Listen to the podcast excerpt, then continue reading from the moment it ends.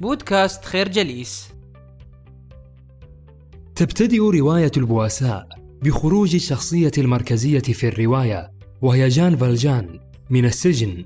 ذلك العالم المترامي من التعذيب والظلام والاحتقار. يخرج جان فالجان من السجن بسراح مشروط. لقد تغير في كل شيء حيث لم يعد ذلك الإنسان الذي دخل إلى السجن. إنه شخص آخر بملامح أخرى. لقد غير فيه السجن كل شيء لكن الأهم في هذه التجربة أنه تعلم القراءة والكتابة مع بعض عمليات الحساب الأساسية. ولأن عالم السجن مطبوع بالخوف وفقدان الثقة وجحيم الزنازين. فقد كان يحمل جواز سفر أصفر اللون يحمله من له سوابق إجرامية. لهذا امتنعت الفنادق والنزل عن استقباله ولهم في ذلك حق. كيف تستقبل الفنادق مجرما؟ ولأن الكل قد امتنع عن الاستقبال. لم يجد جان فالجان إلا حافة الطريق علها تقيه ما يشعر به من البؤس والحزن. بعد ذلك يلتقي جان فالجان بأسقف اسمه ميرييل فيستضيفه في بيته غير أن جان سيسرق بعض الأواني الفضية من منزل الأسقف ثم يفر هاربا. لكن المثير هو أن جان لما كان في قبضة الشرطة سيقول ميرييل عن جان فالجان بأنه ليس بسارق وأنه هو من أعطاه الأواني الفضية فيطرق سراح جان. وكان شرط ميرييل هو أن يهب جان فالجان حياته لله وأن يكون إنسانا صالحا لنفسه ولمجتمعه وقيم دينه. الفكرة السجن لم يغير من طبيعة جان فالجان الأخلاقية فعوض أن يكون مكانا للإصلاح صار مكانا للقيم الفاسدة. لم يكتفي جان فالجان بالسرقة الأولى بل الطبع هنا يغلب التطبع كما يقال. لقد اعاد جان سرقة أحد المارة من جديد. ربما هنا الطبيعة تفعل فعلتها غير أن الأمر مختلف نسبيا هذه المرة. لقد شعر بنوع من الندم والتردد في الفعل وبدأ يبحث عن ذلك الشخص الذي سرقه من أجل أن يرد له ما سرقه منه. لكن في بعض الأحيان قد يخوننا الزمن ونصبح ضحايا لتسرعاتنا.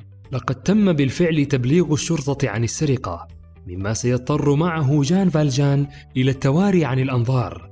والعيش في خوف من أن يعيد تجربة السجن الرهيبه غير جان فالجان اسمه إلى مادلين وأصبح عمدة لمدينة. وبينما هو يتجول في إحدى الشوارع شبه الفارغة من المارة والراجلين. يلمح مادلين رجلا يئن تحت عجلات عربة. وهو يصرخ طلبا للمساعدة.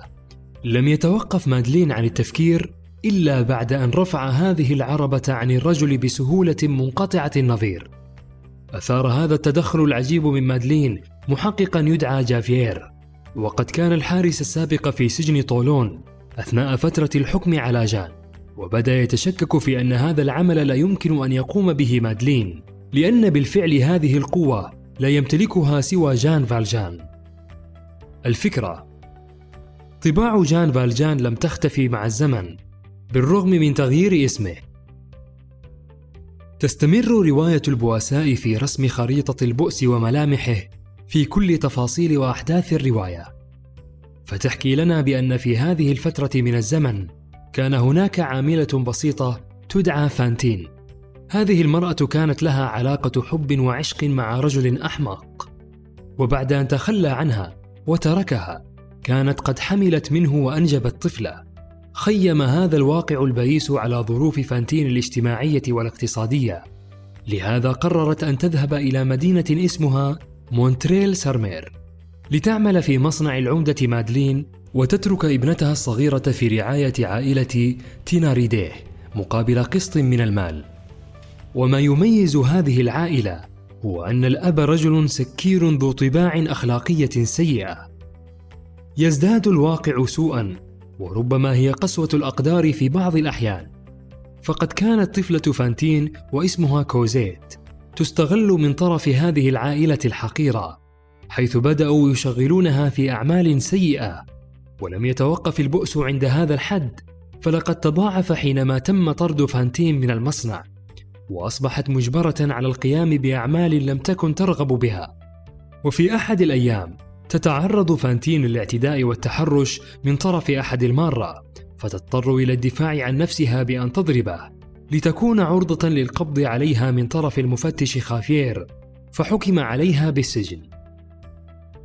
الفكرة الواقع البئيس دوما يجعل الإنسان يحدد اختيارات كارثية في حياته كما فعلت فانتين. واقع مأساوي كانت تعيشه فانتين فمن الطرد من العمل إلى السجن إلى فقدان ابنتها الصغيرة كل هذه المأساة لم تشفع لها فتعيش تجربة صعبة من عالم رهيب اسمه السجن. هذا الأمر جعل عمدة المدينة مادلين يطالب بأن يطلق سراحها، وقد كان له ما أراد غير أن نهايتها ستكون مأساوية أكثر من ذي قبل. فلقد ماتت حزنا تاركة ابنتها الصغيرة. لم تكن قصة فانتين هي الوحيدة التي تشهد على هذا الواقع المأساوي. فكلنا نذكر ما حدث لجان فالجان والذي غير اسمه إلى مادلين. بل أيضا في هذه المرحلة الزمنية حدثت سرقة قام بها أحد الفقراء الذي سرق رغيف خبز يسد به رمق جوعه. لم تشفع كل هذه التبريرات لهذا السارق أمام مفتش يدعى خافيير. عرف عنه هوسه بجان فالجان. حيث كان يظن أن كل السرقات التي تتم كان وراءها جان فالجان معتمدا في ذلك على أرشيف ومواصفات جعلته يتمنى القبض يوما على جان. ولأن المفتش كان يرى كل سرقة سببها هذا الرجل فقد اتهم هذا السارق بأنه هو جان السجين السابق الذي عرفه في سجن طولون. تصل بنا الرواية الرائعة والمأساوية في نفس الوقت لفيكتور هوغو. إلى أن العمدة مادلين هو جان فالجان نفسه. خاض صراعا طويلا مع نفسه وبدأ يتذكر وصية مارييل الأسقف الذي سرق أوانيه الفضية. وبعد هذا المخاض الفكري والنفسي قرر مادلين أن يسلم نفسه إلى القضاء بصفته الحقيقية وهي جان فالجان. كان الدافع الأساسي هو هذه الحركة المسماة بالضمير والتي تنمو فينا شيئا فشيئا. فقرر أن ينقذ هذا السارق الفقير من يد عدالة مفترضة ويصارح الكل بحقيقته. ولو كانت ستنتهي حياته من جديد وراء قضبان سجن خرج منه ليعود إليه من جديد. الفكرة في صحوة الضمير تمكن جان فالجان من تبرئة المتهم الحقيقي بالسرقة. نشكركم على حسن استماعكم. تابعونا على مواقع التواصل الاجتماعي لخير جليس. كما يسرنا الاستماع لآرائكم واقتراحاتكم. ونسعد باشتراككم في البودكاست.